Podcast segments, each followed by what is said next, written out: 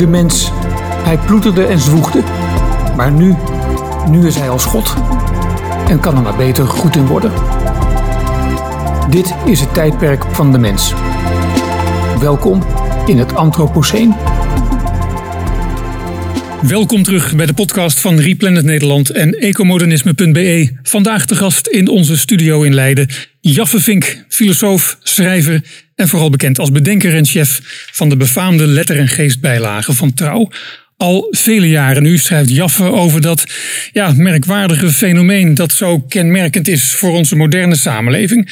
Zo nieuw ook in 200.000 jaar menselijke geschiedenis, dat we ons er soms wat onbehagelijk bij voelen. We hebben het over de vooruitgang. Jaffe Vink, hartelijk welkom. Marco. Eerst, um, wat verstaan we eigenlijk onder vooruitgang? Oh, soms heb ik helemaal geen idee. Maar waar ik aan denk, is het mooiste is uh, de verwondering over iets dat er nu is, maar er eerst niet was. De mens is vindingrijk, het menselijk vernuft is fantastisch. Ja, iets wat er opeens, opeens is en het leven zoveel mooier maakt waarschijnlijk. Ja, ja. de tienduizenden uitvindingen die we hebben gedaan. Ja. Van de stoommachine, de gloeilamp en de computer. Maar uh, het mooist zijn alle kleine uitvindingen die enorme invloed hebben gehad op ons leven. Ja. Zoals uh, de blikopener, zodat je voedsel kan transporteren en uh, conserveren en transporteren. Mm -hmm. Goed, als de stoomtrein er is en het stoomschip kun je ze vervoeren. Uh, de lift die de hoogbouw mogelijk maakte, mm -hmm. niet te vergeten. New York, hè, daar is hij natuurlijk ontdekt. Mhm. Mm -hmm. Elisha Otis. Uh, nou, iets als het koffiefilterzakje van Melita Benz. Melita ken je, maar dat was de voornaam van de dame Melita Benz. Mm -hmm. Die een koffiekransje had en altijd een hekel kreeg aan de drap in, de, in het kopje wat achterbleef of wat je half binnenkreeg. Ja, ja. Toen is ze gaan experimenteren met een blikje. Heeft ze een vloeistof van, vloeistofblad van een, van een uh, zoon heeft ze een rondje geknipt en dat daar onder in het blikje gelegd. En zo heeft ze geprobeerd, gaatjes erin gemaakt, om een eerste filter te ontwikkelen. Ja. Nou, dat is nu een grote multinational, Melita, Ja. met Ja. ook de prachtigste koffiemachines nu. Ja, Koffiefilters. Naaimachine vind ik heel erg leuk. ja. Isaac eh, eh, Singer, een Singer-naaimachine uitvinding. De balpen, hele tragische eh, geschiedenis. Het is niet alleen maar glorie, maar de balpen, de Bic, was de Mhm. eerste. Ja, die is er nu nog. Dat is een fantastische uitvinding. nou, de fiets, de graanzuiger, de melkrobot en zo nog tientallen. Jij, eh, jij bent, eh, nou ja, we kunnen jou met, met, met recht een expert in de vooruitgang noemen. Eh, je hebt een aantal boeken op je naam staan die daarover gaan. Ehm, als ik het goed zeg, begon dat met Wie is er bang voor de vooruitgang? Een boek dat ik omhoog hou voor eh, onze duizenden luisteraars die eh, ook kijkers zijn en op YouTube dit, eh, dit volgen. Wie is er bang voor de vooruitgang uit 2014? Over, ja, het is eigenlijk een onderzoek naar het onbehagen in de moderne samenleving. Hè? Het, dat wij ons zo ongemakkelijk voelen bij het voedsel. Is het wel veilig? Terwijl het natuurlijk zoveel veiliger is dan het, dan het vroeger was. Ehm, ik heb hier het boekje Holy Shit. Ehm, je loopt op straat, wat doet de man? Die pakt een boom, wat doet de vrouw? Lees het in Holy Shit, een mooie verzameling.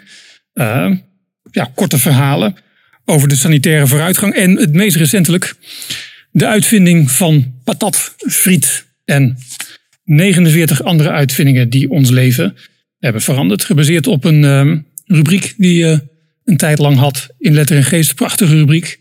Met links een mooie foto en rechts eh, het, het korte verhaal over deze, over deze uitvinding. Het boek is prachtig eh, geïllustreerd. Dat vind ik ook heel mooi. Gewoon een plaatjesboek. Dat is ongeveer het hoogste wat je toch kan krijgen. Ja, ja, het is, het is echt prachtig. Dat was, eh, was een hele ouderwetse uitdrukking. Rijk geïllustreerd. Ja, Maar dat sloeg dan meestal op tijdschriften. Maar een boek dat rijk geïllustreerd is, dat vind ik heerlijk. ja, ja. En los van de boeken die je schrijft, ben jij ook uh, lid, zeg ik nog, de leider van de Bende van de Vooruitgang, waar wij allebei in zitten. Uh, samen met uh, Hidde Boersma en Maarten Boudry en Sebastian Valkenberg. Wij treden op op feestjes en partijen voor een lofzang op de vooruitgang die we hebben bereikt. En, en met een oproep ook om toch vooral alsjeblieft door te gaan met, met de vooruitgang. Om zoveel meer levens nog mooier te maken. Dus, maar dat is met een revue van de vooruitgang. Ja. Met, ja, dan is het toch een soort pleidooi dat veel mensen elkaar in de stad treffen. Dat er een enorme rijkdom aan ideeën geeft. Mm En dan is een van die vooruitgangsdenkers, die heeft dat ooit genoemd, ideeën hebben seks. Ja. Dat projecteren wij dan gewoon op het scherm. Ja, ja eigenlijk het centrale idee. Ja. zijn met deze revue, die prachtig is. Ja, maar dit allemaal om, om aan te tonen, uh, Jaffe, dat jij uh, ja, mister, uh, mister Vooruitgang bent. Nu dus met weer een nieuwe no, no, no, titel. de uitvinding van patatfriet. Daar gaat het over nou ja, de fiets, de container, de lucifer, de BH, wat is het, de tractor. Um, vertel eens, om ook een wat breder verhaal over vooruitgang te vertellen. vertel eens dat verhaal over de luchtband. Het verhaal van Michelin. Want het is niet alleen maar dat je een uitvinding bedenkt. Er komt nog een heel verhaal ook daarna. Um, vertel eens wat die ingrediënten zijn van de, van de vooruitgang aan de hand van de luchtband. Ja, de, Michelin kent natuurlijk iedereen. Maar de, uitvinding is van André, de gebroeders André en Edouard Michelin. En uh, die hadden een oude fabriek overgenomen van een oom. En die waren daarmee bezig. Maar ze zijn niet de uitvinders geworden van de luchtband. Dat was John Dunlop. En, uh, dat was die kennen we ook nog, toch? Van de Dunlop-banden. Ja, ja, ja, die bestaan ook nog. Ja, die zijn, zijn ook befaamd geworden. Ja. Iets minder befaamd dan Michelin. Maar ja. ik geloof dat hij tandarts was in Schotland. Uh, dus zij zijn niet de uitvinders. Ze hebben hem meteen verbeterd. Want dat was een groot probleem als een band lek ging. Uh, die, dus er waren de vervangers van de houten banden. De, hoe, hoe heten ze nog maar eens, de bottenschudders. Waarin dat de bottenschudders, nou de luchtband, dat is natuurlijk befaamd. Maar die ging wel lek. Dus de gebroeders die hebben ook voor gezorgd dat je makkelijker die band kon vervangen. In plaats van dat dat uh, twee, drie uur duurde. Nou, wat, uh, wat ik een mooi voorbeeld vind van deze uitvinding. Dat je, het gaat natuurlijk altijd om de uitvinder, het uh, Eureka, mm van die heeft iets bedacht. Ja. Maar wat heel, dat gaat ook vaak over veel, verschillende schijven of getuigen. Of één begint ermee en de ander neemt het over. In een totaal ander land. En mm Dus dat is al soms helemaal niet te, te uh, na te gaan. Of na te gaan of wel na te gaan, maar zo, het gaat via verschillende schijven. Tweede wat heel belangrijk is, is de productie van wat je uitvindt. Hoe maak je het? Een massaproductie, omdat je daar wil verdienen. En derde is heel erg de, wat je nu noemt, de marketing. Of je moet het verkopen, je moet het in de markt zetten. Ja. En uh, daar waren de gebroeders Michelin heel erg sterk in. Allereerst gingen ze simpelweg reclame maken. Gewoon in de krant publiceren. Dat is nog heel simpel. Maar ze mhm. deden het op de maandagkrant. Want dat was de sportkrant die al heel veel gelezen werd. Toen gingen ze een, een wielrenwedstrijd van Parijs naar Brest of van Brest naar Parijs. Of, of heen en terug. Mhm. Dat weet ik niet meer. Maar het was een hele lange rit van uh, tien of twaalf dagen. En dat. Uh, en uh, zij hadden ook een renner in het mhm. peloton. Of ik weet niet of dat een groot woord is voor dat groepje. en, nee, en die. Dat was, die was de renner van Michelin. En die kwam, ik geloof ik, met een voorsprong van twee dagen aan in Parijs. Nou, dit is al, dit was, is de voorloper geweest van de Tour de France. Mm Nou, toen uh, gingen de mensen meer fietsen. Ze hebben ook nog een autoband ontwikkeld later. Maar dus was gewoon veel meer, werd er gereisd. Dus dan gingen ze ook uh, een wegenkaart maken. Van, dan wist je een beetje waar je heen moest. Ja, Gewoon. want we hebben het dus- hier over 1900? Nee, nee. Ja, de dik 1900 is het al. Dus de luchtband ja. is van, van eh, acht, eh, acht, eh, laat de 19e eeuw. Oké. En toen Mhm. na de eeuwwisseling ging het verder met die ontwikkeling tot en met de auto. En tractor, ook tractorbanden natuurlijk, Mhm. en die prachtige tractorbanden. Maar eh, dat werd, die kaarten, dat werden de nu beroemde Michelin-kaarten. Mhm. Nou, toen gingen ze ook nog op die kaarten gingen zeggen waar je kon eten en slapen. Ja. Dus Ja. herbergen, restaurants. Dat is het begin geweest van de beroemde Michelin-gids. Waar we nog de prijzen van krijgen. Overal. Dus dat, dat waren ze. Ze hebben ook eh, een merk, een eh, mannetje ontwikkeld. Dat heet in het Frans heet die bibendum. Wij noemen het, eh, er moet gedronken worden, naar een spreuk van Horatius. Bibendum betekent er moet gedronken worden? Ja, ja, ja, Ja, ja. ja. En dat is een, een langere spreuk nog. eh. Mhm. En eh, dus daar kwamen ze op omdat ze een stapel banden bij een, bij een show lieten zien in de ingang. En toen kwamen ze op het idee van, oh, dat kan een mannetje worden. Nou, er is tot nu is dat Ja, ja. een merkteken. Een, dat, is, dat is fantastisch gegaan. Dat is, en eh, wat, ja, wat ook heel enerverend was. Dus ze hadden ook nou ja, de fietsen, maar eerst kwamen toen ook de koetsen. Eerst de houten wielen en ook luchtbanden. Die hebben ze ook ontwikkeld. Dat ging heel Mhm. erg goed. Maar toen kreeg je de kwestie. ehm, er kwamen auto's op. In Engeland waren al meer auto's. In Frankrijk dan zo weinig mogelijk van. Moet je ook de overstap maken van de koets naar de auto. Mhm. Zij waren heel sterk in die koetsen. En de broers die kregen daar ruzie over. Mhm. De ene wilde zich bij de koets houden, want het was, eh, het was veel te moeilijk om die luchtband van de auto te ontwikkelen. ja. Zo van, dat, dat wordt toch nooit wat? Ja, ja. Mhm. En dus, eh, ja, dus de Eduard, die, die kiest voor de koets. Hè, want daar zijn er veel van. En dan zegt hij van, alle auto's van Frankrijk passen met gemak op de binnenplaats van de fabriek. In 1900 telt Frankrijk 2897 auto's. Dus dat, dat wil hij niet. Maar wat zegt André? Die kiest voor de auto. Ik zal hem citeren. De auto zal het paard verdringen, zodra hij op luchtbanden rijdt. We moeten vooruitlopen op de ontwikkelingen van morgen. Hoe groter het probleem, des te kleiner de kans dat anderen ons volgen. En hij wil Engeland veroveren, het land Ja. van Dunlop. Want daar rijden in 1907 al 53.000 auto's. En dan gaan ze een fantastisch kantoor in Londen zeggen, zetten, prachtig met eh, eh, glas- en loodramen. En Bibende, het Michelin-mannetje met een, gie- met een dikke sigaar op de fiets. Schitterend gebouw. Ja. Maar dus die tam-tam, dus de, de verkoop, de marketing, hoe ze Ja, daarvoor... Ja, we denken vaak inderdaad alleen aan het idee. Iets is wordt uitgevonden. Inderdaad, Eureka, zoals je zegt. Maar dan, je moet het nog maken op grote schaal. En je moet het niet alleen maken, je moet het ook verkopen. Dat, Ja. Waarschijnlijk is er ook een teken van succes wanneer het... eh, Het andere is natuurlijk een heel romantisch beeld. Hè? van Zo'n zo'n zo'n eenling die aan een beetje in zijn eentje zit. eh, nou ja, je weet dat als geen ander hoe je een eh, broodrooster moet maken. Ja, dat is met mijn bijdrage aan de bende van de vooruitgang. Ja, ja, ja. ja nee, daar gaan veel processen en er zijn heel veel ja, mensen bij betrokken. Ja, en niemand weet... Heel, iets heel eenvoudigs als een broodrooster. Ja. Dat kun je niet helemaal in je eentje maken. Er is heel veel voor nodig. Ja. Prachtig, eh, prachtig. En je weet niet wie het uitgevonden heeft. Hè? Nee, Nee, nee. nee, nee.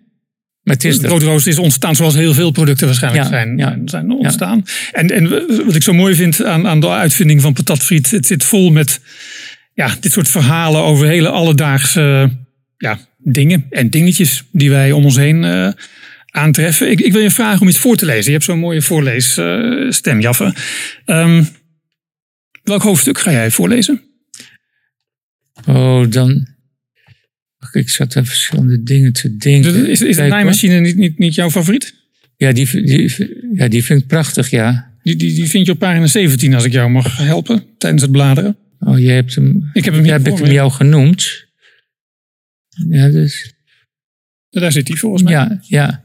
Oh, die, is, oh, die vind ik zo mooi, ja. Ja, Dan krijgen we Jaffe Vink eh, draagt voor uit eigen werk de uitvinding van patatfriet. ja maar, Hoofdstuk de naaimachine. en, en dat prachtige gedicht van eh, Paul van Ostaaien over de naaimachine, over de Singer naaimachine. Nou, uh, Singer is Isaac Merritt Singer. Hij is de man van de naaimachine. Zijn naam is een merk geworden. Oh, kijk eens, begint het al. Er, bestaat een romantisch beeld van de uitvinder. Een eigenzinnige eenling die na jaren van gepieker opeens Eureka noemt, roept. Ik heb het gevonden. Meestal loopt het anders. Isaac Merritt Singer is niet de uitvinder van de naaimachine. Hij was de eerste die een praktische naaimachine maakte. Al een eeuw lang waren er pogingen gedaan. Een Oostenrijker besteedde zijn halve leven aan een machine die de beweging van een naaiende hand nabootste. Hij stierf in armoede. Er is een standbeeld van hem in Wenen, de naaiende hand, die staat in een museum. Een Fransman verbeterde het model, bouwde een fabriek en kreeg een opdracht voor het maken van legeruniformen. Maar een horde kleermakers vernielde de machines en stak de fabriek in brand. Er kwamen nog meer uitvinders, tot het optreden van Isaac Merritt Singer in 1851 in New York. Het is altijd New York. Een eeuw later waren er 100 miljoen Singers verkocht. 40 was Isaac Merritt Singer. Hij had van alles gedaan. In zijn werkplaats stond zijn laatste flop. Een lettersnijmachine die niemand wilde. Bij zijn buurman werd een kapotte naaimachine van Leroy Blodgett binnengebracht. Een duur en onbetrouwbaar ding. Elf dagen later had Singer een nieuwe naaimachine ontwikkeld. Hij was een woesteling met een tomeloos optimisme, uitvinder, acteur, ondernemer en ook nog vader van twintig kinderen bij vijf vrouwen. Hij ontwierp een drillboor en verkocht het patent voor veel geld. Formeerde een toneelgroep en toerde jarenlang door het land. Als het geld op was, werkte hij bij de aanleg van een kanaal van de grote meren naar de Mississippi, tot de naaimachine. Hij had het inzicht dat de machine niet de beweging van de hand moest nabootsen, maar zijn eigen mogelijkheden had. Twee draden in plaats van één. Een rechte naald in plaats van een kromme. Naaldhouder, aandrukvoet, losse spoel, draadgever. Hij stichtte Singer Co. in New York, liep markten en beurzen af, demonstreerde de naaimachine en declameerde de tearjerker Song of the Shirt in het Nederlands met vingers moe en mat met ogen zwaar en rood, een vrouw, naald en draad, stik, stik, stik. De uitvinder koos een briljante partner die met tien ideeën de naaimachine op de markt bracht. Het begin van marketing. Gratis op proef. Aankoop op afbetaling. Regionale kantoren met reparatiemonteurs. En een speciale advertentiecampagne over het vooroordeel dat vrouwen niet met zo'n machine kunnen omgaan want het druist in tegen hun natuur. Vrouw en machine, een prachtig beeld. Via cursussen leerden vrouwen om zelf kleren te maken op een singer. De verrassendste voorspraak kwam van de dichter Paul van Ostaaien. gedicht aan Singer. Het is een lofzang op de naaimachine. De regels dansen over de pagina. De machine zingt. Singer, zanger is een heel mooi lang gedicht. En met deze, onder andere met deze regels. Jawel, jawel, jawel. Ik wil een zinger. Wij willen een zinger. Wij eisen een zinger. Wat wij willen is ons recht. Singers naaimachine is de beste. Prachtig, Jaffe. Um, mist er volgens jou interesse in techniek, waardering voor techniek? Ja, ja uh, de ingenieurs worden, uh, hebben te, krijgen te weinig waardering. En dat. Uh, misschien komt dat ook omdat ze soms wat bescheiden zijn. En techniek, ja, dat is soms ook ingewikkeld. Ook dat verdient ook uitleg. En dat, dat, is soms lastig. En mhm. ik denk dat er een. Wat belangrijk is, er is een vertaalslag nodig om de techniek naar voren te brengen. Een verhaal over uh, vooruitgang. En dat, ehm, ja, hoe zou ik dat zeggen? Dat ehm, een van mijn uh, groot, of groot, een held is misschien uh, te veel gezegd, maar dat is ook mooi. Harry Linsen, dat was techniekprofessor in Eindhoven. die heeft een reuzenwerk verricht met een heel groot team. En dat is de geschiedenis van de techniek in Nederland van de 19e en 20e eeuw. Volgens mij Der, zeven delen, wat is het? Dertien. Dertien, Dus ja, zes delen 19e eeuw en zeven delen ach.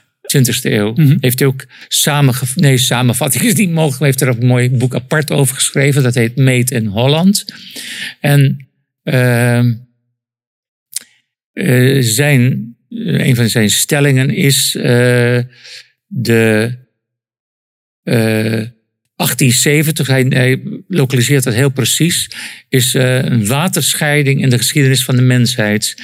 En dat komt omdat het dan voor, eer, voor het eerst voldoende basisvoedsel is met aardappelen en graan.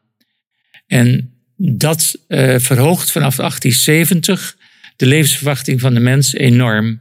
Daarna, dus dat is 1870, daarna aan het eind van de eeuw doet de hygiëne zijn werk. Mm -hmm. En dan pas eh, verder, veel verder of in de 30, 40 jaar de medische geneeskunde die daar grote invloed op heeft. het eerste is voldoende basisvoedsel voor iedereen, mm-hmm. onafhankelijk van klasse, stand, uh, wat niet al. En daar gaat het om die aardappels en, de, en het graan. En uh, nou, dat had ik nog nooit zo gezien en zo gehoord. En dat vind ik zo prachtig. De, ja, je kunt uh, het zien in, in grafieken. Als je dus inderdaad de levensverwachting in een grafiek neerzet, dan is dat eigenlijk heel lang vlak geweest.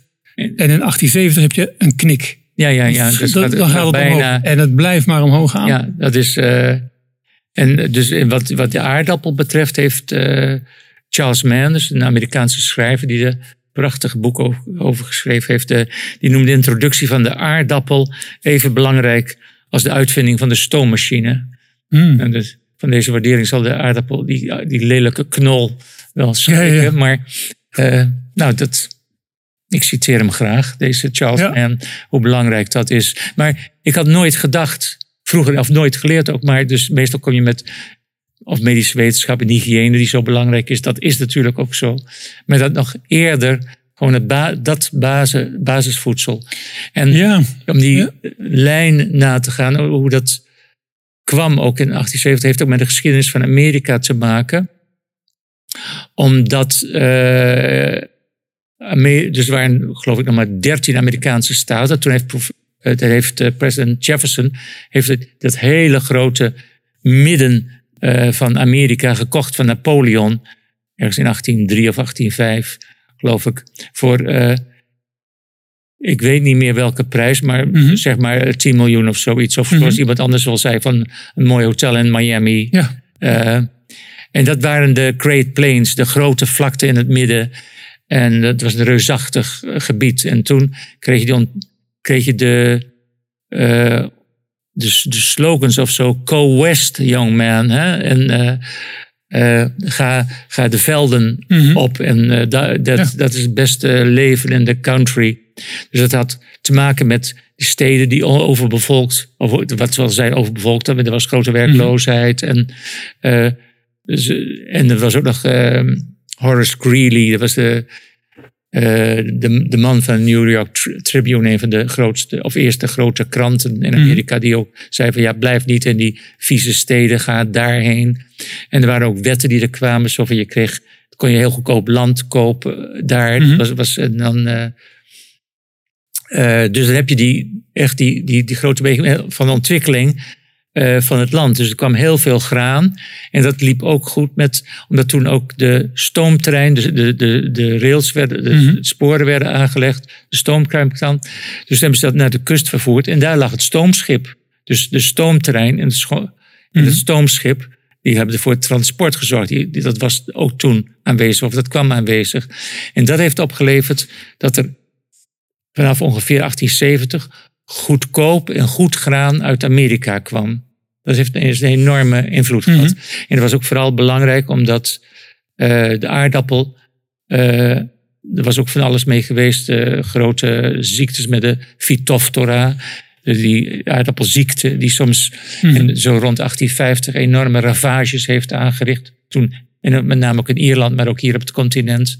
Toen heel veel Ieren naar omgekomen zijn, een miljoen, maar ook eh, heleboel naar in grafkistschepen naar Ah.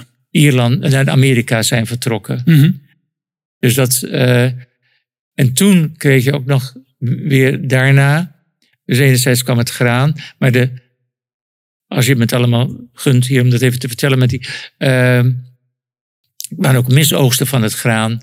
En toen eh, ging het erom dat de aardappel eh, in Europa, die in de 16e eeuw gekomen was, die, die, die werd niet erg gewaardeerd. Er was echt zo'n zo'n lelijke knol en er zaten giftige stingels aan. En Mhm. sommigen zeiden, ja, dat is, dat is een eh, eh, kat- katholieke uitvinding. En anderen zeiden van, ja, dat, dat- die vrucht staat niet in de Bijbel, dus die moeten we ook niet hebben. En er was heel veel weerstand tegen Mhm. de aardappel. En toen heeft een Franse apotheker, eh, die in de Frans-Duitse oorlog gevangen werd genomen, dus door de Duitsers, Mhm. die kreeg alleen maar aardappels te eten drie jaar lang. En hij bleef daar wonderwel gezond van. Dus dat is een pionier geworden van de voedselchemie. Ik ben nu even zijn naam kwijt, maar Antonin Parmentier. Hm. En eh, die heeft dus zijn hele leven is hij een soort, zo werd hij ook genoemd, een aardappelactivist geweest. dus die heeft in Frankrijk en ook verder heeft zijn sporen verdiend om de aardappel te introduceren. En dat lukte ook omdat er ook mis, mis, eh, eh, misoogsten waren in Frankrijk. Zo grappig dat jij nu zegt dat hij dus een aardappelactivist werd. Eh, toen jij net zei dat ingenieurs over het algemeen wat, wat bescheiden zijn en misschien een wat te technisch verhaal hebben voor het grote publiek. Daarom zijn ze niet zo bekend. Toen ik dat zo jou hoorde vertellen, dacht ik ja, heel veel aandacht gaat uit naar politici of naar activisten. En dat zijn de mensen die we kennen.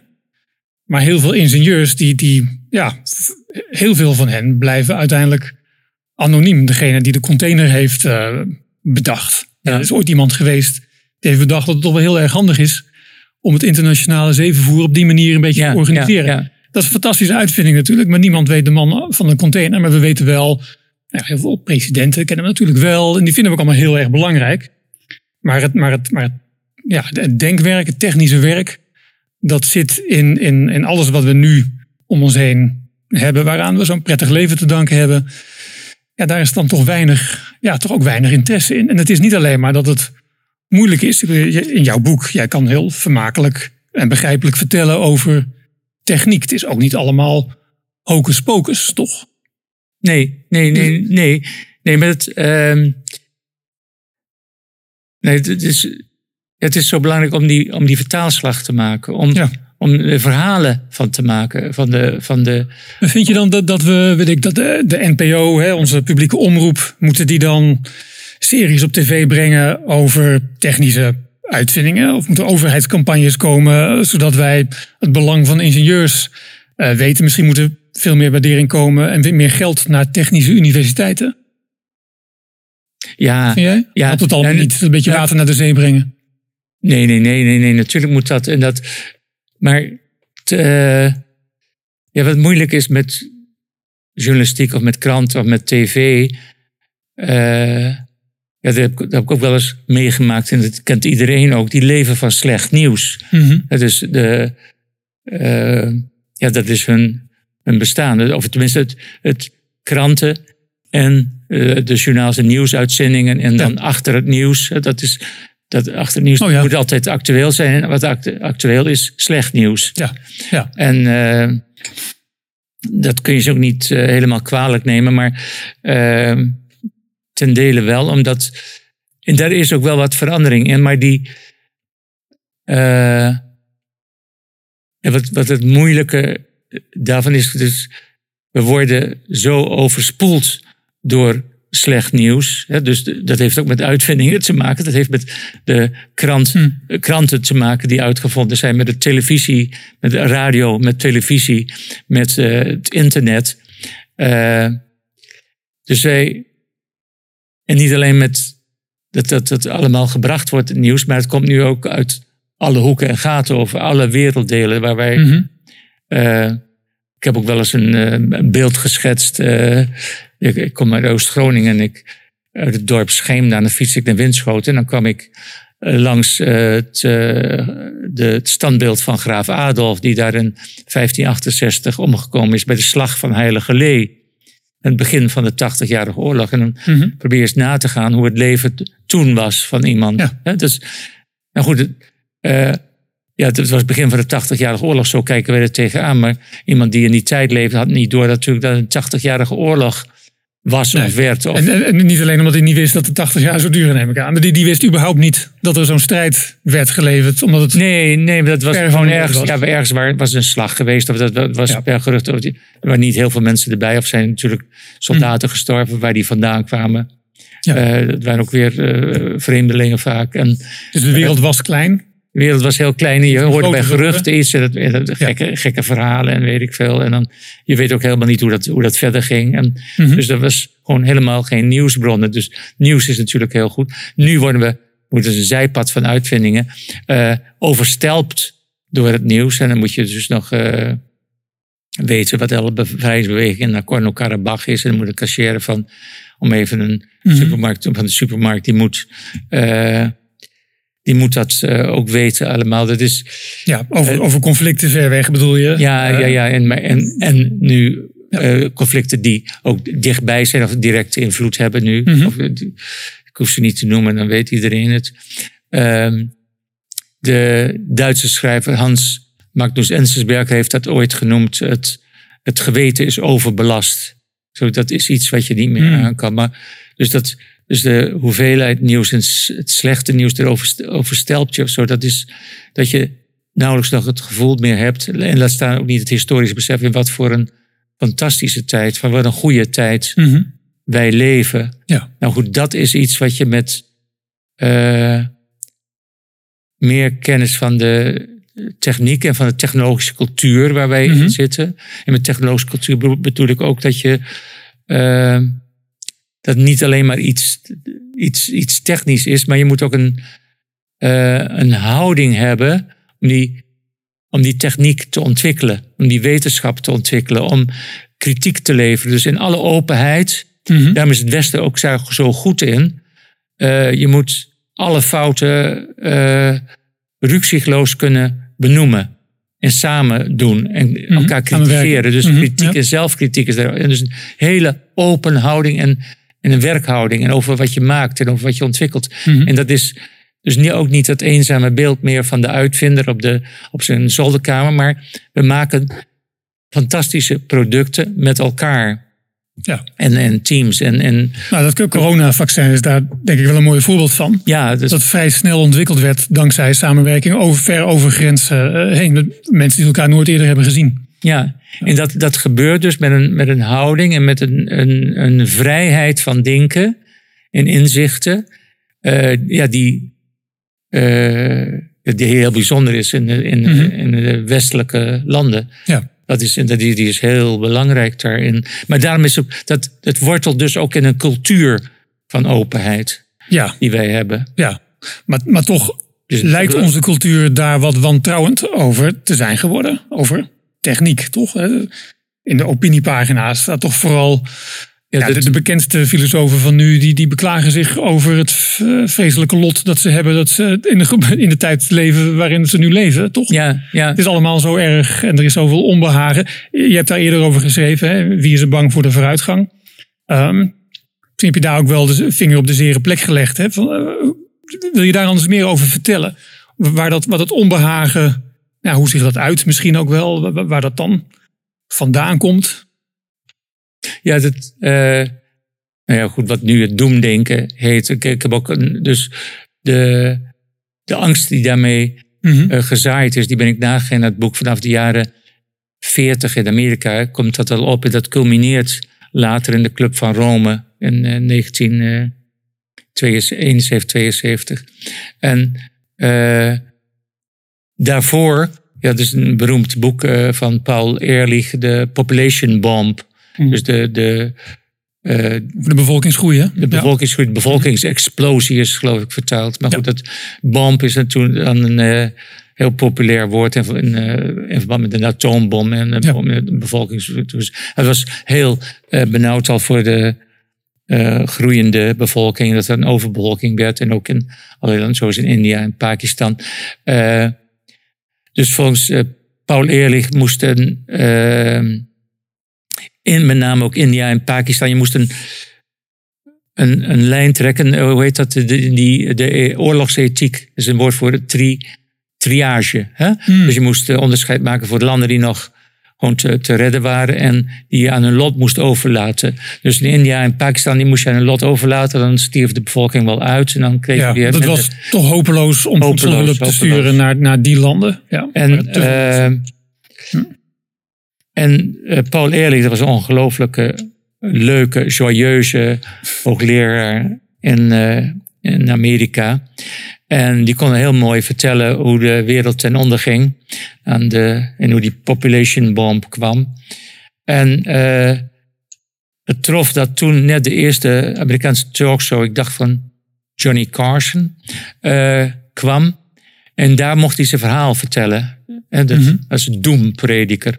En nou, dat was een groot succes. Dat ging erin als koek.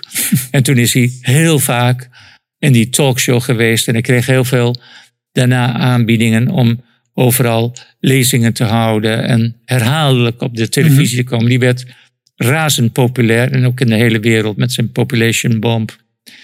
Daartegenover heb ik ook iemand geportretteerd. Dat is, eh, eh, er was een, eh, een Noor, of een geëmigreerde familie uit Noorwegen. Die waren toen vanwege de verschrikkelijke hongersnoden. En was de familie naar Ohio eh, geëmigreerd. En eh, die was eh, ja, een landbouwkundige, Norman Borlaug of Borlaug. En eh, die heeft toen onderzoek gedaan om graan te veredelen. Heeft het lang in Mexico gedaan. En dat- dat duurde jaren en jaren en zoiets. En toen is hij ook met de Wereldvoedselorganisatie FAO... is hij ook naar India en Pakistan getrokken. Nou, eh, je zou dat moeten lezen, bekijken. Dat is gewoon een avonturenroman, hoe, wat hij gedaan heeft. En eh, toen heeft hij, is het hem gelukt om in een paar jaar tijd Pakistan zelfvoorzienend te maken. En enkele jaren later ook India. Dus hij heeft het door, eh, door een graansoort te ontwikkelen die veel beter eh, bestand was, veel resistenter was, die een kortere stengel had, een grotere aar. En daarbij eh, toegevoegd de ontwikkeling van de tractor, de gebruik van, zoals dat heet, gewasbeschermingsmiddelen, wat eh, door anderen wel eens landbouwgif genoemd wordt, afhankelijk van de dosis. En, ehm, En irrigatie. En irrigatie, Onderdeel ja. van, van de, de groene revolutie. ja. En het bouwen van silo's om het graan te, goed te Mhm. bewaren. En, eh, nou, dat, heeft hij, dat is fantastisch. Daar heeft hij ook de Nobelprijs voor de Vrede van gekregen in 1961. weet ik het jaartal kwijt. 1990, dat weet ik niet meer. Goed. Mhm. Dat is, eh, dus hij heeft dus een, eh, bij de uitreiking werd hij ook gezegd dat hij het pessimisme veranderd heeft in optimisme. Dat, kijk, en daar, het gekke is, ik, ik, ik vertel eens wel eens wat en dan, of dat klinkt zo raar, ik vertel wel eens wat, maar goed, ik geef wel eens een lezing en dan, Ja. dan vraag ik graag van, ja, wie kent de Club van Rome? Hè? Eh, Ja. de- ja, Iedereen. Iedereen. En Norman Borlaug. Nou, als er één iemand in de zaal zit, is het al Ja. een wonder. Dus dat, eh, die aandacht voor het doemdenken is zo groot. En voor het werk van deze man, eh, die daar gewoon zo, zo met een klein team in Mexico werkt, of die afging, die ook helemaal niet een figuur was. Ja, dit was een grote gestalte met dikke handen, die past helemaal niet zo op het beeld van een talkshow. dat is dan bij die flamboyante Paul Ehrlich. kreeg. En die was ook, toen hij een Nobelprijs kreeg, of toen die eh, ge- ge- eh, aankondiging er was, werd zijn vrouw gebeld. En hij zat, die moest heel ver reizen om ergens op het land te vinden waar hij was. En toen zei hij, oh, wat, een, wat vertel je me nou? Wat was dat voor een sprookje? Dat hij was, maar dat, dat, dat is Ja. een held. En dat, Ja, je zegt inderdaad, daar is veel meer aandacht voor eh, de doempredikers. En Ja. de- voor, de, voor de doeners die problemen Ja. oplossen. ja, we hebben het er wel vaker over gehad, ook volgens mij ook wel met de bende van de vooruitgang, dat er niet alleen meer waardering is, maar ook meer, um, is meer respect. dus een, een doemdenker, die wordt serieuzer genomen, die, die wordt aangezien voor iemand die heel begaan is ja. de wereld. En dat zal hij ook zijn hoor. Maar het is ook heel intellectueel om heel somber te zijn. En wanneer je, zoals wij, toch wel eens wijzen, op de, dat de dingen zoveel beter uh, gaan nu. Het is helemaal niet perfect nu. Maar kijk eens, het is wel zoveel beter dan ooit. Um, ja, dan zijn wij oppervlakkig of naïef. We hebben het niet helemaal goed door. We missen het grote plaatje. Er is altijd wel iets. Waardoor wij, vooruitgangsoptimisten, altijd een beetje de klungels, de sukkels uh, zijn, toch? In het publieke debat. En, en al die filosofen die zo gewichtig doen over oh, nee, problemen. Je bent, nee, die worden je bent veel, te, veel te somber. Je bent veel te, veel te sombere schets. Nee, maar het is natuurlijk een groot cliché zo van als je wat... Eh, dat, dat op, een optimist bent, dat, dat, is over het algemeen een oppervlakkig iemand. Ja. Graag toegeven of zo, maar... Mm -hmm. uh, ach, volgens mij klopt het niet helemaal. Nee, nee. nee. Maar dat, um, is, dat is het uh, verleidelijke natuurlijk van... Uh,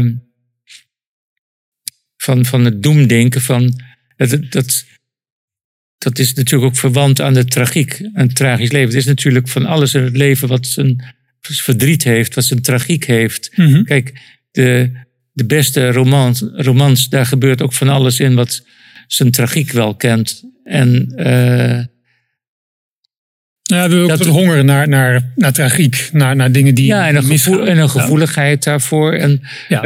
uh, ik denk ook wel eens dat is niet dat, dat je denkt dat alle problemen weg zijn. Of dat je geen verdriet zou hebben of geen hmm. lijden. Of, uh, maar het, de geschiedenis van de mensheid van de laatste twee eeuwen is, is fenomenaal. En daar moet je toch een historisch besef uh, van ja, krijgen, opbouwen of zo. Dat, is, dat geeft je veel meer uh, plezier. En ik, zal ik gewoon een, voorbeeld daarvan noemen? Ja, ja. Als ik aan te denken. Of de, dat is uh, bijvoorbeeld van de. Dat vind ik altijd leuk om dat te gebruiken, omdat het zo zichtbaar is. Van de schilderij De Aardappeleters van Van Gogh. Ja.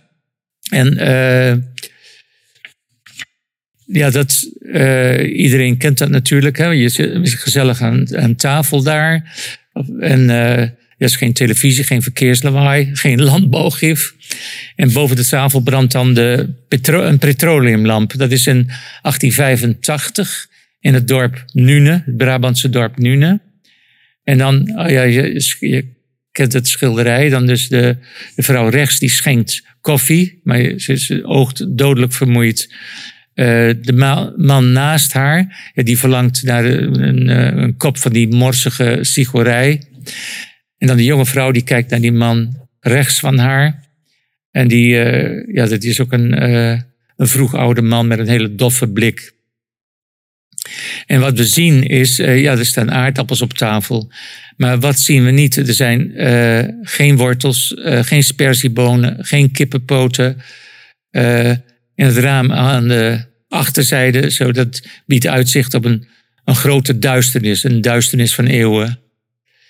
En dit, dit schilderij dat lijkt een aanklacht tegen de armoede, maar het is geen aanklacht tegen de armoede van Van Gogh. Hij, hij had een hekel aan de beschaving en hij verheerlijkte het boerenleven. Dat was het echte leven. En dat wilde hij schilderen. Dat is. Uh, maar dat, hij heeft ook nog, ik wil even uit zijn brief citeren die hij hierover gaat, over de... De brief die Vincent van Gogh heeft Ja, Vincent van mhm. Gogh, ja. Uh, dus hij zwoegde weken op die hoofden van de aardappeleters. En dan zegt hij, ja, de vleeskleur was nog veel te licht. Schrijft hij in een brief aan zijn broer Theo. De kleur waar ze nu mee geschilderd zijn, is zowat de kleur van een goed stoffige aardappel. Ongeschild natuurlijk. Het schilderij ruikt naar spek, rook en aardappelwasem. Nou, en dan, hij, was, hij kwam vaak daar op die, uh, in dat huisje, dat noemde hij een schemerig huisje, dat noemde hij een spelonk. En eh, dan wandelde hij al eh, hele dagen over de hei daar met zijn schetsboek. En dan kwam hij uit terug. En, de, en die spelonkers, er was nog geen elektriciteit. De gloeilampenfabriek van Philips. eh, dus dat was een, in Eindhoven. Dat was toen een klein stadje van 4000 inwoners. Eh, dat was op twee uur gaans. En dat... eh, eh, ja, 4000 inwoners in 1891. Dus zes jaar later kwam Philips daar. Mhm. Maar dat schilderij, dat hangt nu in het Van Gogh Museum op het Museumplein Ja. in Amsterdam. En dan, als je dan met deze familie de Groot van het schilderij, als je die los zou kunnen maken van het doek, dan lopen we even eh, uit het eh, Van Gogh Museum naar de supermarkt van Albert Heijn, die onder, de, Mhm. onder het museumplein is. Ongeveer onder het doek waar, het, eh, waar ze op staan. En dan laten ze eens even zien wat we tegenwoordig zelf eten. Dus bij binnenkomst zien ze dan een, heel veel schappen met aardappelen. Een heleboel soorten aardappelen. De een nog mooier dan de ander. En dan een weelderige uitstalling van groenten en fruit. Een keur aan tomaten. Vele soorten rucola. En haricot vert, peulen, sugarsnaps, rode, gele en groene paprika's, courgette, aubergine, sinaasappels uit Spanje, eetrijpe mango's uit Burkina Faso. De aardappeleters kijken hun ogen uit. Ze wanen zich in het paradijs. Ja. Nou, dat, dus zo'n schilderij, de aardappeleters uit 1885 en een dik eeuw later Mhm. hebben we dit. Ja. Wat voor ons heel gewoon is. En dan, dan heb je zo zo in de namiddag of zo, dan zeg je tegen, ja, wat moeten we nou eten? Ja, nou ja, ga jij maar even boodschappen, kijk maar even wat er is. Mhm. En zo, en dan, dan is het eh, de spitsuur in de eh, supermarkt, dan irriteer je aan om anderen die dan met hun karretjes rondrijden, of een rij bij de kassa, of nu de zelfscan kassa, waar je ook in een rij moet staan, want die is heel druk. En zo, dat, is, nou, dat is nu voor ons supermarkt. Eh, En, wat, en de belangrijkste vraag, ja, wa- wat zullen we nou eten? Ja, ja. Nou ja, als je enig historisch besef hebt, dan krijg je Hm. veel meer plezier om nu door een, naar een supermarkt te gaan. Dan Heb jij is dat plezier een ook? paradijs. Heb je dat plezier als je naar een supermarkt gaat of als je andere dingen om je heen ziet waarover je bijvoorbeeld geschreven hebt, dat- dat je een soort geluksgevoel ervaart? Of Oh, je kan me ook ontzettend ergeren aan een cashier die niet goed doet hoor. Maar Ja. hele gewone ook dingen. menselijk om, Maar- om een beetje te klagen? Dat, nee, nee, nee, nee, dat kan ik ook. Maar, en als ze iets niet goed doen en zo. Maar eh, nee, ik voel me. Ik vind het heerlijk om ook naar een supermarkt te gaan. Ja. Mhm. Of om in dat besef te hebben ook. Dat, Ja. is, eh, dat vind ik. Ja, dat, dat, eh, dat sterkt me enorm. Mhm. Ja. ja. Hoe, hoe denk je nou dat meer mensen zo'n besef kunnen ontwikkelen? Los van het lezen van jouw boeken, het bezoeken van de Bende van de Vooruitgang. Maar ik, ik vraag me toch af of we ooit op zo'n punt komen dat daar meer waardering voor komt. Ik heb die fascinatie die jij ook hebt. En er zijn er vast nog wel meer mensen die dat hebben. Maar dat is toch uiteindelijk maar een klein clubje. Uiteindelijk zit iedereen, neemt iedereen toch alles maar aan voor wat hij aantreft. En zit iedereen toch een beetje te klagen over het, over het leven. Nou, ja, goed, waar we het eerder over hebben, zo van. Gewoon dat, dat simpele idee dat we de droom van onze voorouders Mhm. hebben verwezenlijkt. Hè? Ja. En eh, het gaat niet om een soort echt. Ja, je droomt dat je van, de, ja, van dat zware leven wat je toen had. Met, eh, nou ja, de- je had bijvoorbeeld. Als je kinderen had, acht of negen of tien kinderen en de helft stierf, of jij Ja. weet dat beter nog dan Mhm. ik. eh, en hoeveel, hoeveel verschrikkelijke ziektes er, dat je niet gemiddelde leeftijd heel kort was. Ja. Hè? En met heel veel ziekte en dood om je heen. En armoede, honger. Eh, dus die waterscheiding Mhm. in de- in de geschiedenis van de mensheid, waar Harry Linsen het over heeft of zo. Dus er was eigenlijk altijd honger. En eh, dat, is- dat is eh, die verschrikking, als je dat leest of beseft. Of, ja, dat is ook een plezier Mhm. om, om, dat te, te- om dat te weten, om die geschiedenis Denk je goed te eigenlijk kennen. dat we in plaats van eh, eerst naar het eh, journaal te kijken of de krant open te slaan, dat een keer in een weekend een, eh, een goed, goed boek over vroeger moeten lezen om gewoon weer eens te lezen, weer bekend te raken met hoe, het, hoe zwaar het leven vroeger was? Zou dat helpen? Of, of verdwijnt die? Ver- Vervliegt die Eh. ook zo weer? Dat besef. Ja, maar je kunt, je kunt daar natuurlijk heel veel programma's. Niet iedereen wil lezen. Ik wil wel Mhm. zeggen, dus we hebben, er zijn al veel meer mensen die kunnen lezen. Dat is ook al Mhm. fantastisch. En, eh, en er wordt ook veel, best veel gelezen natuurlijk ten opzichte van vroegere onheugelijke tijden. Mhm.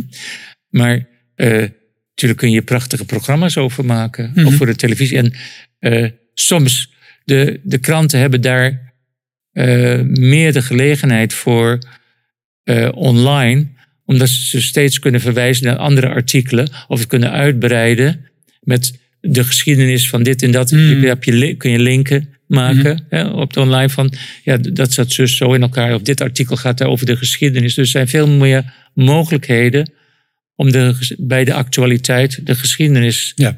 te laten eh, me- meetellen.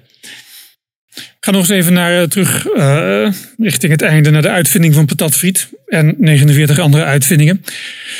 Wat is nou jouw, ehm, ja, over welke uitvinding ben jij nou het meest enthousiast? Ehm,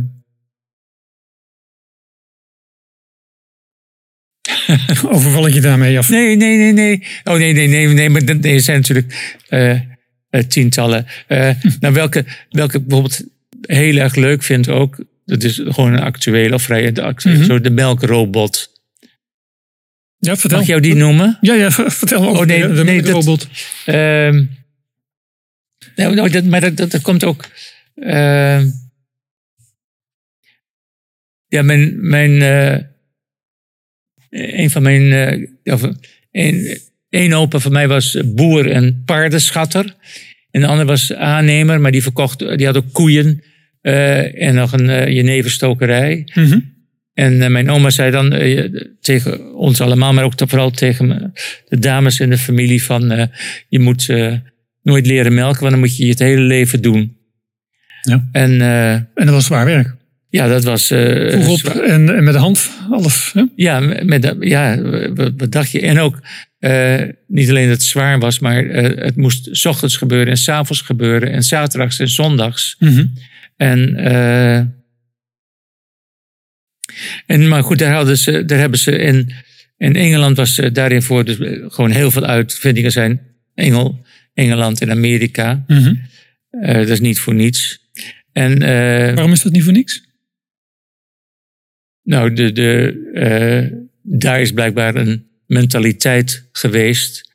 En een, eh, dat, dat, het, Mhm. dat ze elkaar heel enorm eh, bevrucht hebben. Van dat Ja. dus, dus de eer- eerste wereldtentoonstelling is ook in Londen geweest in 1850, 1851. Hm. Er was, en er was een groot vertoon van machines die er al waren. De Ja. stoommachine is ook uit Engeland.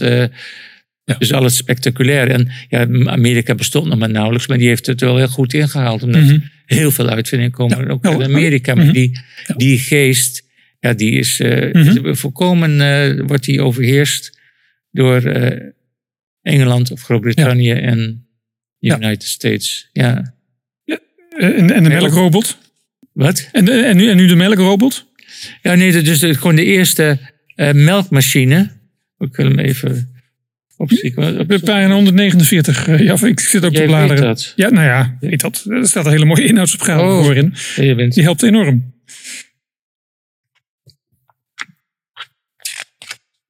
Dus, dus, maar dat is in de eind, eind van de 19e eeuw. Toen, Mhm. toen waren ze al bezig met de eerste melkmachine in, eh, in Engeland. Hè, dus die verscheen al op een Mhm. tentoonstelling en zo. En dit pas, dus, eh, in, eh, dus in Nederland was dat pas in de jaren 50, 60 dat die dan Ja. eh, ge- gekocht werd hier en geïntroduceerd werd. Dus dat gaat ook langs. Soms gaat het ook. Een uitvinding duurt soms lang. Een zijpad, de uitvinding van de fiets in de 19e eeuw, die duurde 80 jaar voordat er een beetje Ja, ja. Een, een band om zat en een ketting. Eh, En maar zelfs de, de tractor, toch? Die, die, die, Wat? die is, de, zelfs de tractor. ja, ja, ja. In, in de jaren 50 of 60, Amerika was gewoon het rijkste land ter wereld. Er waren nog altijd boeren die zonder tractor ja, aan het boeren waren. Omdat ze kennelijk toch het idee hadden dat ze niks misten. Maar de tra- tractor is hier enorm dus naar de Tweede Wereldoorlog gekomen door de Marshallhulp. Dus veel Amerikaanse tractoren Ah, ja. die waren daar natuurlijk Ja, ja. van. Dus dat is, de- die, het is een enorme vooruitgang geweest. En die enorme, Mhm. Ja. dus die werden, ja. En als je een tractor koopt, dan moet je ook een ploeg kopen. Hè? En zo gaat het door. En dat, Mhm. gaat heel, dat ging toen heel snel in de jaren 50 en 60. En dan met de, de melkmachine. Maar de melkmachine die was ook eh, omstreden. En er was eh, één gedachte die de vooruitgang tegenhield. Machinaal melken is onnatuurlijk. En dan, eh, dus ik heb ook gewoon allerlei goede literatuur opgezocht. Om eens even te kijken Mhm. hoe daarover gedacht werd. En dan, ja, er was, eh, dit was ook een gedachte die leefde bij de boeren. En ook bij invloedrijke dinkers. Zoals de hoofdredacteur van het vakblad De Veldbode. Ik, zal, ik vind het leuk om te, om te citeren. Zo'n stomme, hersenloze machine zal nooit een goede melker kunnen vervangen. Bovendien kan hij de koe nooit het gevoel van moederweelde geven, zoals een goede melkknecht dat kan. Tja. Nou, dat is. eh, Toch het idee hè, dat het natuurlijk moet. ja, Niet, ja, eh, niet zo'n machine, al die moderniteit hebben we niet nodig. ja, dat, en, maar dat. eh, kijk, het, het- je moet je ook. Als je nou over historisch besef hebt. dus dan dat de landbouw. eh, de, de 10.000 jaar geleden een beetje op gang kwam. En dan komt er ineens een, een plotselinge. Zo'n machine met ijzingwekkende grijparmen. Ja, dat is. eh, Ja. eh, ja, dat, dat is ook een hele grote verandering. Dus dat, dat zogenaamde natuurlijke, wat er altijd geweest is, hè? Mhm. handmelken. Ja. Dus dat, dat is wel een hele lange. eh, je hebt er ook wel eens verteld dat eh, tegenwoordig heb je eh, van die koeien die kunnen knuffelen. toch? Die, die- eh, er wordt toch van alles Ja, om, ja, omheen ja. verzonnen. En en, er wordt van alles gemeten. Even kijken. Eh, nou ja, je kan het zelf ook voorlezen. Nou, de arm van de robot reinigt de spenen. Stelt met een laser de precieze locatie van de spenen vast. Sluit de tepelbekers één voor één aan. Ja, dat is- dat sensoren is- natuurlijk. dat is mooi of zo. Dit- Omdat nu, dus de, nieuw, dus de nieuwste melkrobot, hè, dit is, eh, en dat, dat noemen vakbladen als veeteelt en melkvee, die publiceren nu lange artikelen, zoiets over ervaar- ervaren robotboeren. Hè. De boer zit achter de computer. Ja, ja. ja. En dan eh, sensortechnologie, speenconditie, nieuwe tepelvoeringen. Hè? De vierkante tepelvoering en de driehoekige met kopbeluchting. Dat is, ik bedoel, het wordt, gebeurt wel wat in die sector na, nadat de hoofdredacteur van de veldbode gewaarschuwd heeft. Ja, ja, ja. Dat, is, dat is prachtig. En dan eh, een melkrobot, dat klinkt verschrikkelijk en onnatuurlijk en hard. En Oh veel, maar de koe is daar, voelt zich daar zeer eh, behagelijk bij. En Ja. het kan dus van wat jij zegt, meer dan wij. van alles.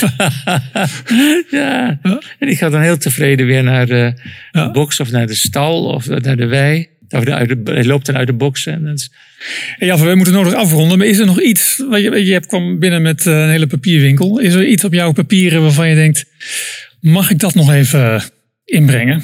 Als dat zo is, is het nu je kans. En anders ga ik afsluiten. Oh, nee, maar ik wil. Oh, dan wil ik heel graag. Even denken, wat zou ik nog aan te denken?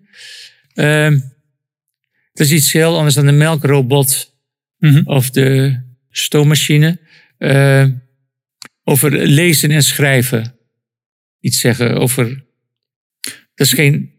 Want ook zoals Mhm. het alfabet is Ja, ja. uitgevonden, is ook. Ja is in een wijdere betekenis ook het het is, ehm, lezen en schrijven natuurlijk. eh, Ja, dus volgens mij het laatste en vond ik ook wel verrassende hoofdstuk in het eh, boek eh, De uitvinding van de patatfriet. hè? Lezen en schrijven, ja, verdomd. Ja, ja. Ja, dat is een. ehm, ja, ik, ik citeer hier, of dat was een. ik vond een heel mooi citaat uit een boek van Johan Norberg. En die zegt. eh, die, die, is dan in India in 1977. Oh nee, nee hij citeert. Ik zeg het verkeerd. Ehm, hij vertelt het verhaal van een fotograaf. En eh, het was een, een Zweedse fotograaf die in 1977 in een dorp in het noorden van India de landarbeider Bagant leerde kennen. Uh, die wist niet dat hij in India woonde. Bagant is analfabeet en hij dacht dat de fotograaf last had van zijn oog, omdat hij er steeds een machine tegenaan moest houden. en de vraag is dan: wordt de analfabete landarbeider gelukkiger als hij kan lezen en schrijven? Goeie vraag. Nou, dan, uh, ik kan iets vertellen, ook, ook over de, uh, hoe dat, het, het, het, alfabet is ontstaan. Uiteindelijk uh, zo'n 10.000 jaar geleden. Oh nee, dat is 10.000 jaar geleden. heb je de eerste graan en de eerste geit. Zo, en dan, dan ontstaat landbouw en veeteelt. Mm -hmm. En, uh, maar dan gaat ook iemand zijn geit verkopen. En hoe, hoe doe je dat nou met, met handel? Hè? Dat is. Mm -hmm. uh, nou, dan maak je een inkeping en dan twee geiten en zo. Dan doe je twee steentjes bijvoorbeeld. Hè? Dan weet je dat, hoe, je ja. het, hoe je het verhandelt. En dan, maar dat wordt steeds moeilijker. Dan maak je krassen op een kalksteentje, inkepingen. Mm -hmm. En dan een eerste tekening. En dan verkoopt een boer zijn os en hij tekent een ossenkop op het kalksteentje. Mm -hmm. En dan, dan kun je denken van, wat is nou de drijfveer hè, voor, voor uh, de ontwikkeling van het alfabet? Maar dat is niet het verlangen om een liefdesbrief te schrijven, maar om de handel, om te, handelen, te, registreren. Ja. Mm -hmm. En dan, uh, dus dan, dan krijg je wat wij noemen het alfabet. Dat is een samenstelling van alfa en beta, de eerste twee letters van het Griekse alfabet. Ja. En dat, maar dat komt uit de taal van de oude Feniciërs. Alfa komt van alef en zo. En het betekent os. Alfa betekent Alef os. betekent os. Hè? Hm. Dus het alfabet ontstaat uit die ossenkop hm. op het uh, kalksteentje. Mooi. En dat... Uh, nou, en dan nemen de, de, de, Grieken het over in het Latijnse alfabet en zo. Maar dat is... Uh, het analfabetisme duurde nog gewoon eeuwenlang. Zo. Maar dat is een hele lange geschiedenis. Maar het is natuurlijk een groot wonder dat het alfabet... Mm -hmm ontstaan is ja. en zich ontwikkeld heeft. Ja. En uit deze. Maar goed, het, als je nu van de moderne tijd kijkt, dan is uh, 200 jaar geleden kon 12% van de wereldbevolking lezen en schrijven. En nu is dat 86%. dat is vooruitgang. Ja. Dat is een ongelooflijk, ongelooflijke vooruitgang. Ja. Dat we zoveel mensen nu kunnen lezen en schrijven, zich kunnen ontwikkelen. Wil je anders eindigen, Jaffe, met, met hoe, hoe, jij dit hoofdstuk eindigt? Het verhaal van Frederick Douglass. Oh ja, dat, uh, dat is. Uh, ja, dat gaat als je die vraag, hè, als je die vraag herhaalt, zo van. Uh, er was nog een vraag hè, van. Wordt een alfabete landarbeider gelukkiger als hij kan lezen en schrijven? Nou, in deze Afrikaans-Amerikaanse slaaf, Frederick Douglass, uh, die figureert aan het eind van het boek van mm -hmm. Norberg. En uh, dan is het verhaal van hem dat de vrouw van de slavenhouder heeft hem het alf alfabet bijgebracht. Hij leerde de betekenis van letters en woorden te doorgronden. Hij leerde lezen en schrijven. En stiekem las hij boeken en kranten en ontdekte dat er andere staten in Amerika bestonden waar zwarten vrije mensen waren. Hij ging verlangen naar de vrijheid. In 1838 ontsnapte de 30-jarige slaaf door op een trein naar het noorden te springen. En hij schreef hierover, mm -hmm. dat zijn laatste woorden, de, de zilveren bazuin der vrijheid heeft mijn ziel gewekt tot eeuwige waakzaamheid. De vrijheid is nu hier om nooit meer te verdwijnen. Ze was in elk geluid te horen en overal in te zien. Ze stond altijd klaar om mij te kastijden met het besef van mijn deerniswekkende positie. Ze blikte vanaf elke ster, glimlachte in elke windstilte, ademde in elke bries en waarde door elke storm. Prachtig. Jaffe Vink, hartelijk dank voor jouw komst naar, uh, naar de studio. Graag gedaan, Marco. En dank, beste luisteraar, voor het luisteren. Um, een dringend verzoek aan u. Lees het werk van Jaffe Vink. De uitvinding van patatfriet, wie is er bang voor de vooruitgang en of holy shit. Ga naar de lokale boekhandel of gewoon bol.com, want daar kun je het ook krijgen. Um, Deel deze podcast met vriend en vijand. Geef ons een duimpje omhoog en abonneer u op welk platform dan ook, zodat u geen aflevering mist van deze podcast. Een samenwerking van Replanet Nederland en ecomodernisme.be. Mijn naam is Marco Visser. De techniek wordt verzorgd door Roman van Ree. Graag tot de volgende keer.